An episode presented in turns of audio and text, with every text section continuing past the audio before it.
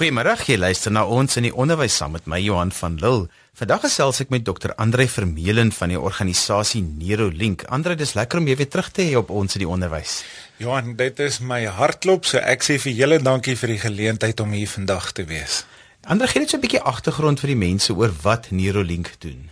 Ons werk wat ons doen is om mense te ontwikkel, Johan. So, dis ons roeping en dit is om mense te help om meer effektief te kan wees, om meer te kan wees van wie die Here wil hê hulle moet wees. So, enige iets wat jy kan doen om die geheelbrein funksionering van mense te bevorder uh, vanuit 'n breingebaseerde punt is ons spesialisterein. Nou ons gaan vandag 'n bietjie gesels oor geheelbrein leer wat ek dink elke onderwyser iets van moet weet. Andrei, verduidelik vir ons wat is geheelbrein leer? Dit is nogal 'n vreemde woord so op die oor. Absoluut en die gedagte is ons het een brein, maar hy, hy bestaan uit verskillende dele. Nou die eerste ding wat belangrik is is ons het twee hemisfere En net soos wat 'n mens moet leer om te loop, om albei bene te gebruik, so moet 'n ou leer om albei hemisfere saam gelyktydig te kan gebruik. Nou, dis die eerste ding, maar dan is daar ander fasette wat ook jou breinkrag beïnvloed, soos uh die chemikalieë wat in jou brein is, wat uh, as jy byvoorbeeld daar's twee kategorieë van chemikalieë wat ons noem die inhibeerders en die wat ook die fasiliteerders is. Nou die fasiliteerders is goed vir leer, dit help ons om goed te leer, maar die inhibeerders maak dat die nie dominante gedeeltes van die brein soms ontoeganklik word as ek te veel van hierdie inhiberingschemikalieë vrystel. So stres maak dat ek eintlik nou in gewone terme afskakel. So dis die volgende ding wat ons breinkrag beïnvloed en dan hang dit af van watter deel van my brein is dominant en hoe ek dan onder daai druk sal funksioneer. Maar dan is daar ook goed soos jou slaappatrone, jou kos, jou uh hoeveelheid beweging wat jy doen. Dit alles bepaal of jou brein die heeltyd aangeskakel bly. Byvoorbeeld, ons het 'n ding om te sê dat uh movement is the door to learning. Want as 'n ou beweeg, dan aktiveer dit die retikulêre aktiveringsstelsel van die brein wat alle dele van die brein aktiveer en wakker maak as ek dit so kan stel. So daar moet 'n mate van beweging wees wanneer ons leer. So as ek nou te lank stil sit, al is ek hoe slim, gaan ek dalk nie so effektief kan leer soos wat ek moet nie. So daar's 'n klomp faktore wat 'n rol speel dat die geheel brein saam kan funksioneer. As ek dit so kan stel, is soos om na 'n orkes te luister en daar daar's al die verskillende rolspelers in hierdie groot orkes. En as elke ou sy rol speel, dan kom daai orkes tot sy volle reg. En so werk ons ons brein ook dat ons moet die heeltyd alles doen dat elke rolspeler sy werk kan doen. Nou ek wil daarom vir die luisteraars sê dat ons nie nou praat oor linkerbrein regterbrein profile nie, want dit is 'n ander model waar ons nou praat is die kommunikasie tussen die twee lobbe en dit word ontwikkel deur beweging. Dit is maar die basiese ehm um, bousteen van hierdie ontwikkeling. Absoluut Johan. Weet jy navorsing wys dat 'n uh, 'n babatjie nog voor hulle gebore is, wanneer die ma en of ook selfs die pa, wanneer hulle met die ongebore babatjie gesels, dan is daar letterlik meer meer dendritiese vorming tussen die breinselle wat maak dat die breinselle met mekaar begin kommunikeer. En dis juist hoekom ons sê movement is the door to learning. So wanneer die ma met haar ongebore baba praat, dan begin daai liggaampie soms beweeg. Dit stimuleer daai retikulêre aktiveringsstelsel, meer koneksies word gemaak. So daar's letterlik navorsing wat wys dat 'n ma wat meer met haar babatjie gesels, het meer dendritiese kritiese vorming as die wat waar die babatjie dit minder haar stem en basisstem gehoor het. Nou daar's 'n wonderlike beeld wat een van my dosente altyd gebruik het en hy het gesê beweging is net soos wat 'n beeldhouer 'n stuk marmer met 'n uh, hamer en 'n buitelkap so vorm beweging eintlik die brein in die mooiste vorm wat hy kan wees. Ja, weet jy, weet jy hoekom en dit is dis 'n baie mooi uh vergelyking wat sy tref daar. Baie keer praat ons van die plastisiteit van jou brein. Nou eintlik waarop dit neerkom is soos wat ons luisteraars nou vandag hier na ons sit en luister. Binne in hulle brein is jou breinselle die heeltyd besig om nuwe dendriete te groei en nuwe dendritiese koneksies konneksies te maak. En as jy dus vandag jou brein goed en aktief gebruik het, dan lyk hy aan die binnekant baie anderste as vanoggend toe jy opgestaan het. En al daai paadjies en neuronbane wat ons gevorm het, is wat jou breinplastisiteit beïnvloed. En daarom ook as jy dus beweeg, dan bevorder hierdie beweging jou uh, neuronbaanvorming, jou dendritiese groei en daarom ook jou breinplastisiteit en daarom is dit so 'n noodsaaklikheid dat kinders moet beweeg wanneer hulle leer. Ander geheelbreinontwikkeling en leer. Hoekom is dit vir onderwysers belangrik om iets daarvan te weet? Hoe kan hulle dit in die klas gebruik? Weet jy eh, die tradisionele maniere van onderrig en toe ons Johan ek weet ek jy was ook 'n onderwyser uh, gewees en toe ons uh, onderwys gaan swat het het hulle nooit vir ons uh, die neuro aspekte van leer gewys nie. Maar dit is so belangrik dat ons moet verstaan dat hierdie neuro aspekte as ons dit verstaan dan sal ons byvoorbeeld nie meer goed sê so vir 'n kind soos sit nou stil as jy iets vir hom leer nie. Want instinktief sal jy weet as beweging dan leer komplementeer, is daar veral sekere leerders, veral iemand soos ek, soos wat ek hier besig is om met jou te sit en gesels, is my been besig om te beweeg. Maar dit voel vir my ek kan nie dink en ek kan nie leer as ek nie besig is om te beweeg nie. En ons leerkragte moet al hierdie nuwe navorsing verstaan dat hulle konsekwent heeltyd nuwe innoverende aktiwiteite in hulle klas kan begin wat leer bevorder en selfs ook as hulle dit verstaan staan, kan hulle in hulle beleid in skole uh ook nuwe innoverings toelaat. 'n een Eenvoudige voorbeeld Ek was nou net hier oor die naweek gewerk met 'n skool en ehm um, onder andere is die oorweging van die gebruik van water in die klas is nou iets wat oorweeg moet word. Kan ons kinders toelaat om water te drink terwyl hulle leer? Uh want water drink bevorder leer geweldig. So in my en jou tyd sou dit net totaal taboe gewees het om water te drink in die klas. Die kinders gaan net mors en dit gaan net nie werk nie. En dit is iets wat bestuur moet word, maar dit is eintlik iets wat nie meer onderhandelbaar moet uh, kan wees nie. Daar moet goed wees soos aangename reuke en musiek en water. Jy jy weet, jy praat self baie daaroor Johan dat uh, ons moet innoverend in die klaskamer wees en baie nuwe goed inbring wat leer komplementeer en dus dit vir die leerder makliker maak maak op die einde van die dag maak dit jou werk vir jouself makliker as jy ja. die brein reg bedraad vir leer. Ons praat op ons in die onderwys baie keer oor kortpad idees vir onderwysers wat werk in die klaskamer. Nou jy verwys altyd na ses drywers wat jou breinkrag beïnvloed en ek dink dis iets waarvan onderwysers moet kennis neem. Wat is daardie ses drywers? Daai ses drywers Johannes altyd moet 'n ou dink, wat kan ek doen in my klas?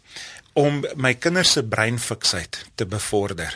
Met ander woorde, as die twee hemisfere gelyktydig eweveel saamwerk, dan kan ek net soveel meer inligting inneem en prosesseer. Jy weet 'n perd trek 3 ton gewig, maar wanneer twee perde saamtrek, dan trek hy 8 ton gewig. So daar is 'n dupliseringseffek wanneer jy sinergie tussen die twee perde kry. Nou so werk dit met die twee hemisfere ook. So as ons innoverend kan wees deur breinintegreringstegnieke en aktiwiteite in die klas te gebruik om die kinders aan te skakel voordat ek inligting oordra, dan gaan hulle breine soveel meer ontvanklik wees vir die inligting wat ek oordra. Ek wil eintlik sê vir die luisteraars breinkrag werk amper so saamgestelde rente. Absoluut. Daar's 'n uitstekende voorbeeld eintlik om te gebruik. Die die tweede ding wat baie belangrik is is dat ek moet uh, stres kan bestuur. Nou een van die belangrike goed wat onderwysers uh, moet weet is dat 'n klaskamer moet ten alle tye altyd 'n veilige, gemaklike positiewe omgewing wees. As daai drie fasette in die klas teenwoordig is, kan leer plaasvind. As een van daai fasette nie daar is nie, dan kan leer nie plaasvind nie, omdat ons chemikalieë vrystel wat leer gaan inhibeer. So dis die tweede drywer is om ontspanning in die klas te bewerkstellig en 'n positiwiteit.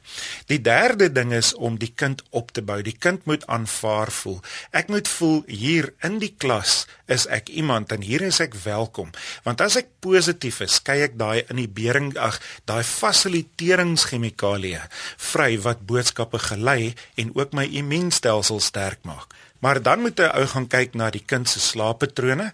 'n Kind wat slaap is 'n kind wat nuwe neurotransmitters groei wat uh die uh, emosionele leerervarings uh uh gaan soos die Engelsman sal sê refile in die onderbewuste. Ek herrangskik my emosionele belewennisse. So môreoggend kan ek vinniger en beter weer konsentreer as ek oordentlik geslaap het. Maar as ek nie oordentlik geslaap het nie, gaan ek nie kan fokus in die klas nie. Ek wil gou daar bydra maak. Ek dink dis iets wat onderwysers nog nooit regtig oor gedink het nie, is die rol wat slaap in kinders se lewens speel.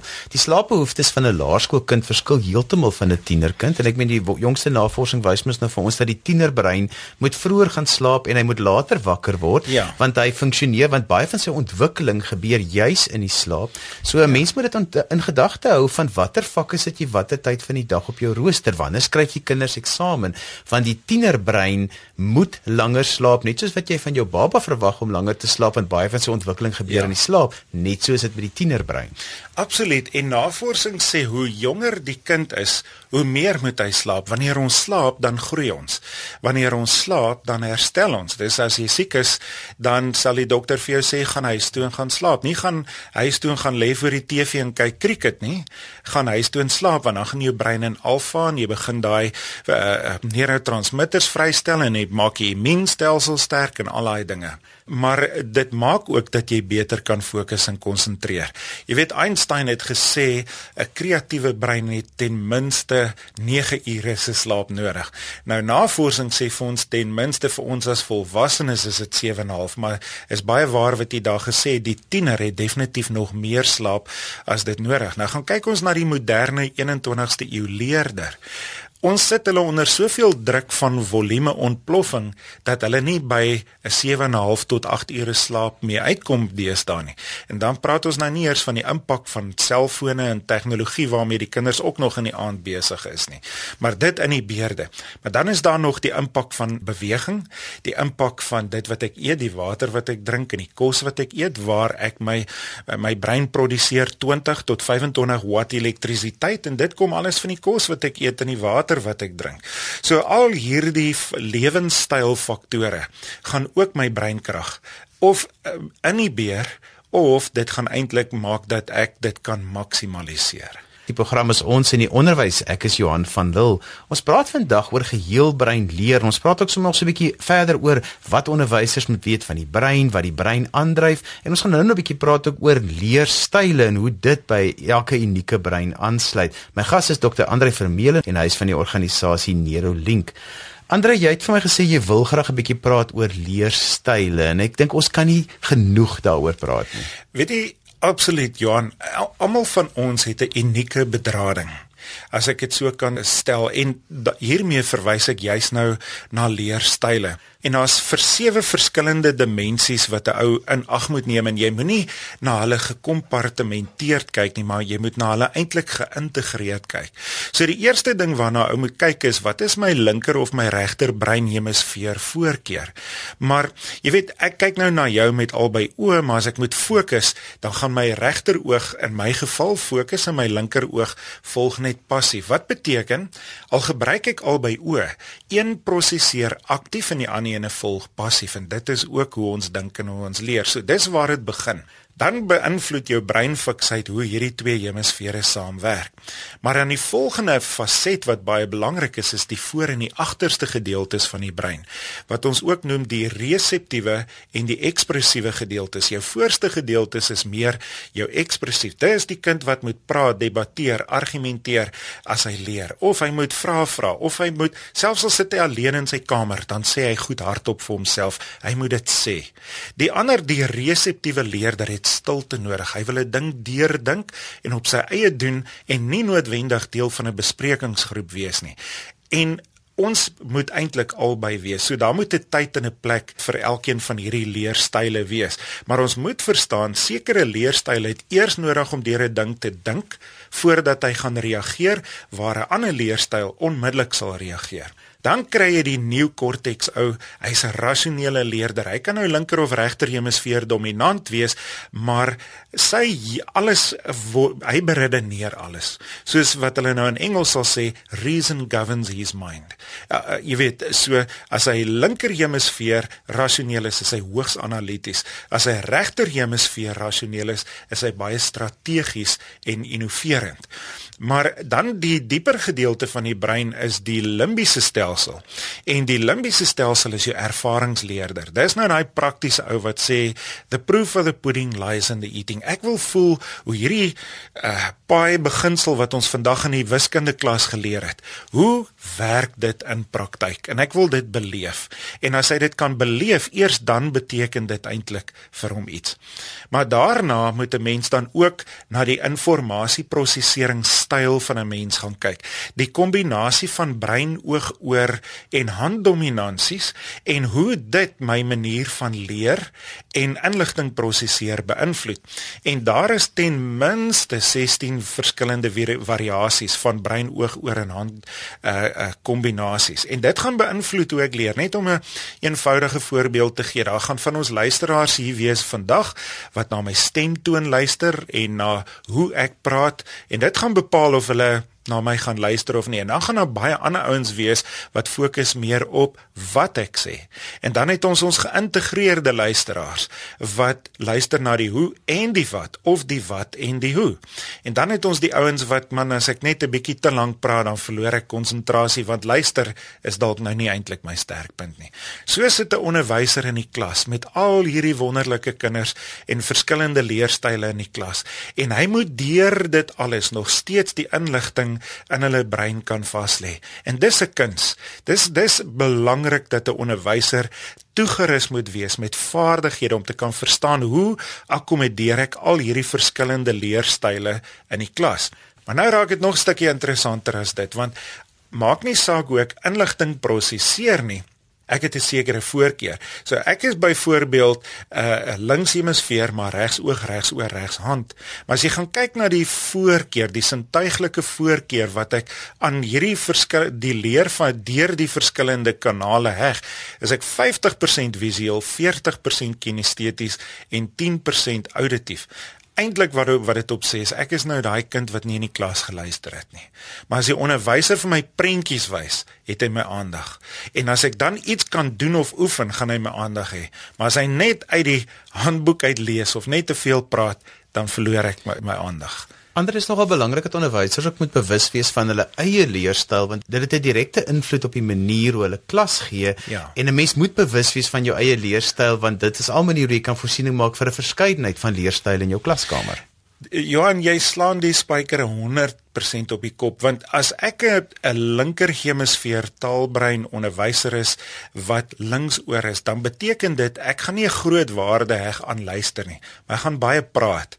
Maar ek gaan dalk goeie visuele eh, stimulasie in die klas gee maar my detail my auditiewe detail gaan nie baie goed wees nie. En vir die kind wat daai detail in die klaskamer nodig het gaan ek dit nie by my onderwyser kry nie.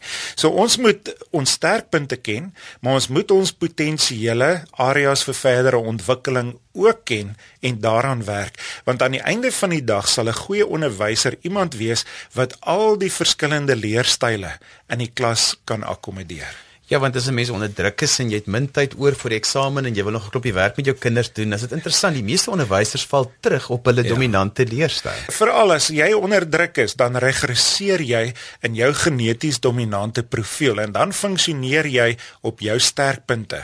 Maar jou sterkpunte soms van jou leerders se swakpunte of areas vir verdere ontwikkeling, maar dan akkommodeer jy nie hulle sterkpunte nie en dis daar waar dan van die kwaliteit van onderrig verlore gaan.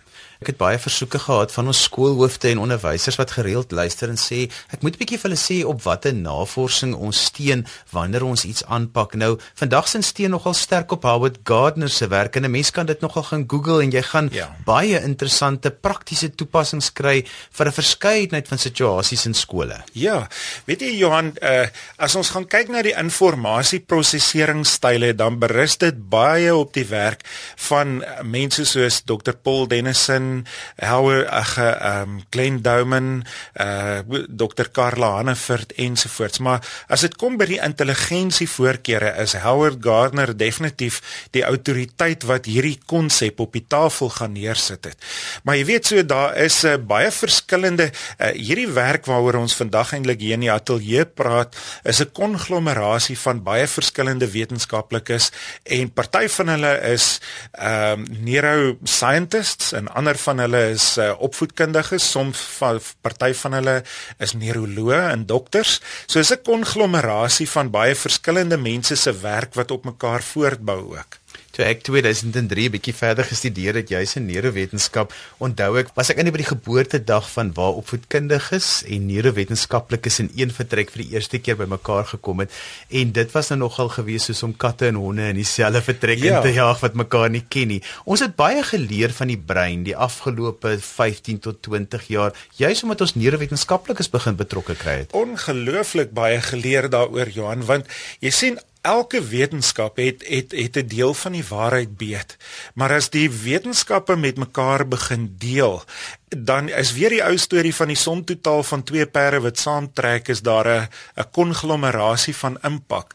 En ehm um, een van die dinge ek kom nou agter as ek so op wêreldforums nou gesels regtig op internasionale konferensies is jou mees populairste bane wat ouens nou na kursusse gaan luister is die neurowetenskappe want die goeie ding van die neurowetenskappe jy en ek gaan nou weet vir baie lank het mense ons kritiseer dat die gedragswetenskappe eintlik nie it's not an exact science Maar nou dat ons alles kan begin fundeer deur middel van fisiologie en immunologie en uh, sielkunde en opvoedkunde en al hierdie goed nou begin ons al hoe meer na 'n uh, exact science toe beweeg en dit valideer die werk wat ons doen. Dis nou wetenskaplik gefundeer.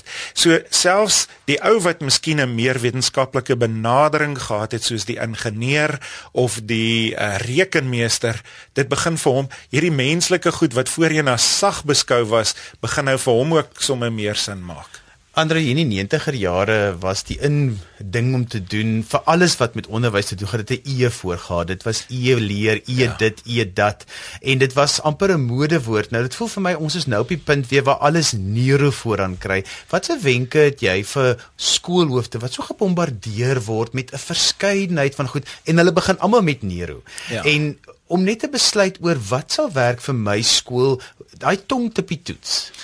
Weet jy Johan, ek ek ek is 'n groot voorstander van neuro education. En ek sien dat as 'n ou gaan kyk op die toonaangewende opvoedkundige platforms van die wêreld, is dit omtrent die hoof fokus in die wêreld, juis omdat dit dinge meer valideer en makliker maak. Nou ek verstaan dat onderwysers is werklik oorlaai. Jy weet, as hulle hoor altyd van nog 'n nuwe kursus wat hy moet, moet nog moet bydoen, dan raak hulle soms bietjie moedeloos want jy weet hulle is altyd onder druk en nou moet hy nog nuwe goed weer gaan leer toepas. Maar die neurowetenskappe is belyn met die natuurlike manier van hoe ons brein hou daarvan om te funksioneer en te leer.